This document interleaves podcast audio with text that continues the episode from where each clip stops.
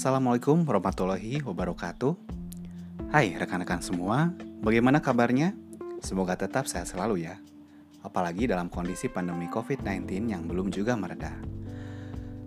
Perkenalkan, saya Rick Wirawan. Saat ini saya masih duduk di bangku perkuliahan di jurusan Ilmu Komunikasi. Pada podcast perdana ini, saya akan membahas tidak jauh dari tema tentang komunikasi. Tapi tidak akan saya bahas sendirian, karena saat ini telah hadir rekan saya, Kang Satrio. Halo Kang Satrio, apa kabar? Sehat, alhamdulillah.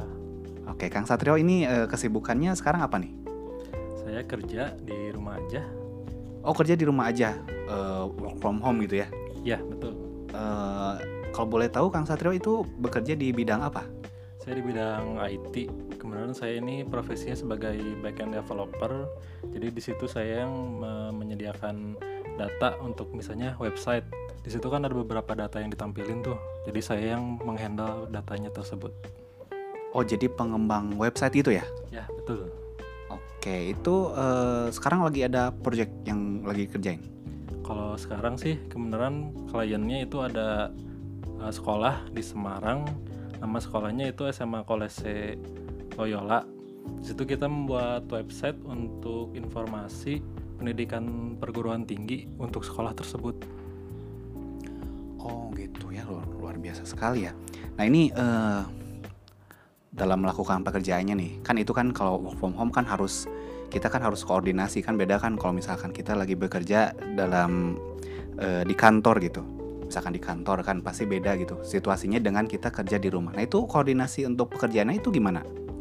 Kalau yang sekarang sih dailynya kayak misalkan kan mulai kerja itu jam 8 pagi kan ya. Nah, di situ ada aplikasi namanya Slack. Di situ tuh eh, medianya masih masih teks dulu. Jadi kayak misalnya ada lead kita atau di, di- kita disebutnya SM atau Scrum Master. Di situ kita, eh, SM-nya bakal eh, kayak absen. Jadi hari ini kalian ngerjain apa aja gitu. Di situ by text dulu. Nah, setelah itu kita masuk ke ruang meeting di Google Meet. Di situ kita eh, ya bia- biasa interaksi tanya jawab buat eh, kejelasan dari daily kita yang bakal kita lakuin di Slack tersebut. Oh, jadi eh, menggunakan media lagi ya untuk itu. Jadi selain tadi apa Slack gitu, sejenis Ya, sejenis aplikasi eh, jadi dalam itu teksnya baru nanti kalau secara langsungnya maksudnya dalam tanya jawabnya itu lewat eh, Google Meet gitu. ya dari Google Meet. Oke gitu. Tapi eh, sejauh ini dalam melihat efektivitasnya itu menurut Kang Satrio eh, efektif nggak sih kalau misalkan kerja di rumah tapi dengan pakai cara itu selama ini? Kalau dari yang berjalan sih cukup efektif ya. Da, kalau misalkan ada kebingungan gitu ya, misalnya ada uh, miskom dari kerjaan itu. Pertama kita di di apa forwardnya langsung dari Slack dulu. Kalau misalnya responnya masih belum bisa jelas, kita bisa langsung ngobrol di ruang meeting. Nah kalau misalnya di ruang meetingnya selain di Google Meet juga kita pakai Hangout. Di situ bisa tanya langsung, bisa share screen gitu buat kejelasan-kejelasannya gimana. Di situ udah cukup jelas sih. Oh jadi sejauh ini bisa dibilang menggunakan media tersebut efektif gitu ya? Ya udah cukup efektif. Nah itu, eh, nah kan ini ini eh, work from home. Apakah setiap eh, selama ber- berapa hari atau diselang-seling? Apakah gimana di tempat kerja Kang Satrio? Kalau kebetulan saya baru di kantor yang sekarang ini emang dari awal tuh udah WFA, udah work from home. Nah kalau untuk ke kantor sendiri udah sekitar tiga kali lah ke kantor kerjanya. Tiga kali gitu, terus sisanya eh, di rumah. Ya sisanya di rumah. Jadi kantornya di rumah aja gitu ya? Ya kantornya di rumah. Nah eh, ini kan seperti yang kita ketahui komunikasi itu merupakan hal yang sangat penting ya eh, dalam setiap kegiatan manusia ini. Nah ini pandemi gini nih, kan pandemi berarti otomatis kita harus menggunakan media dalam berkomunikasi. Kita nggak bisa eh, pergi ke mana aja gitu dengan dengan leluasa seperti sebelum terjadinya pandemi gitu. Misalkan kita pengen ketemu temen, bekerja, sekolah atau kuliah kan gitu, kita merasa terhambat gitu dengan adanya pandemi ini. Nah ini eh kebetulan nih sekarang kan lagi rame nih podcast ya. Podcast itu Kang Satrio tahu podcast? Eh, cukup tahu. Tuh, tahu. Nah, itu itu. Jadi kayak ini ya, kayak apa sih? Sejenis radio ini. Ini kayak kita yang lakuin ini. ini podcast nih. Ini podcast ya, bukan bukan bukan bukan yang lain lagi. Nah, kan artis-artis kan banyak pakai nih. Siapa sih misalnya Kang Satrio yang tahu podcast Kalau yang tahu sih paling jadi Corbusier. dari Corbusier ya? Ya, itu kan banyak dia ngundang undang artis juga kan gitu ya. Undang artis terus kayak undang pakar juga kesehatan dan lain-lain sebagainya. Nah, ini eh sebenarnya kalau misalkan dilihat dari medianya kan kayak kita ambil Deddy Corbuzier aja. Itu kan dia itu eh, youtuber kan sebelumnya artis magician tukang sulap kan tukang tukang sulap nah itu sekarang pindah ke eh, terus pindah ke youtuber. Dari youtuber terus dia nge ini juga masuk ke podcast. Nah itu. Sebenarnya kalau podcast itu menurut Kang Satrio nih dari pandangan Kang Satrio dibanding di antara YouTube dengan podcast lebih enak menyimak yang mana nih? Tergantung dari dari entertainment apa yang pengen kita nikmatin gitu. Kalau misalnya dari YouTube kan kita pasti kayak mau lihat visualnya juga kan, jadi ngelihat kayak videonya atau gimana. Kalau podcast kan cuma hanya cukup didengerin doang gitu. Paling bedanya dari itunya aja sih apa yang mau dinikmatin gitu. Oh gitu. Tapi kan kalau misalkan eh, YouTube kan berarti kalau misalkan ada video klip itu baru enak di YouTube dijelas nih tayangannya apa. Tapi kalau di podcast kan kita lihat eh, Deddy Corbuzier ini misalkan dia lagi wawancara s- artis misalkan. Itu kan hanya misalkan lagi ngobrol aja langsung kan. Sebenarnya kita bisa ngenikmatinya lewat podcast aja, betul tidak? Betul. Nah, jadi eh, podcast itu cukup menarik sekali ya untuk menarik sekali dalam dalam kita mendapatkan sebuah konten. Nah ini eh jadi podcast itu memiliki kekuatannya di audio tentu saja. Jadi dari sisi konten, jadi kayak dengan format wawancara kayak interview tadi yang dilakukan dari Corbusier yang seperti contohnya. Jadi podcast eh, sering mengambil bentuk kolaboratif. Jadi dibuat melalui metode partisipatif dengan mengundang narasumber yang ahli di bidangnya atau misalkan artis bisa gitu. Jadi eh, informasi dan pengetahuan dapat bermanfaat bagi para pendengar dengan beragam profesi gitu. Ada yang artis, ada yang pakar kesehatan. Terakhir kan pas baru-baru nih, baru-baru COVID nih, terus ada eh, siapa Tirta ya, Dokter Tirta. Ya.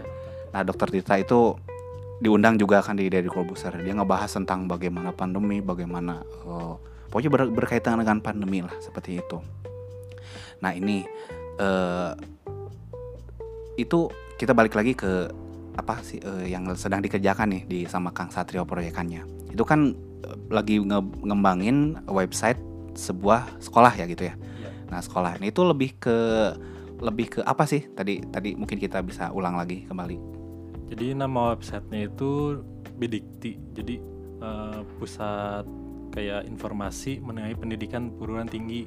Jadi di situ kalau misalnya siswa-siswi dari SMA Kolese Loyola itu misalkan kerjasama dengan suatu uni- universitas misalkan.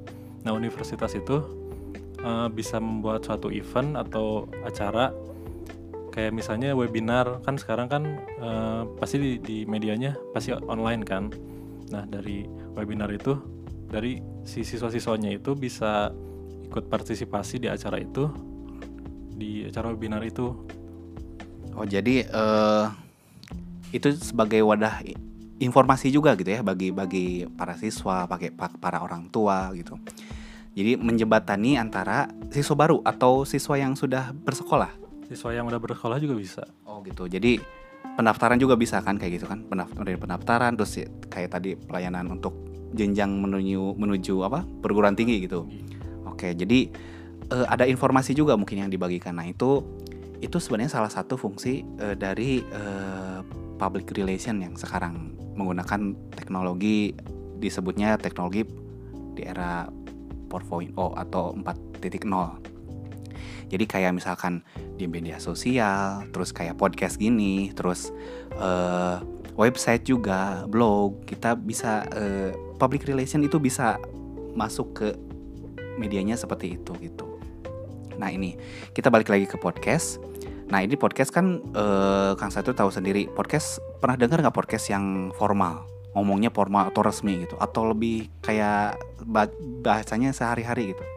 pasti santai sih Ya santai ya. Eh, jadi karena itu podcast itu jadi uh, secara apa ya jadi tidak secara resmi bahasanya dari dari kita dilihat dari bahasanya itu jadi tidak terlalu kaku gitu jadi lebih lebih tidak terlalu formal atau disebut informal. Jadi untuk didengarkan sehari-hari oleh masyarakat umum tentu saja uh, ringan gitu. Jadi kayak istilahnya kita dengerin radio gitu kayak dengerin kan orang itu kan beraktivitas nggak mau yang berat-berat gitu ya nggak mau dipusingin lagi oleh dengan kata-kata formal gitu. Nah itu dengan podcast ini bisa bisa membantu masyarakat dalam menerima informasi.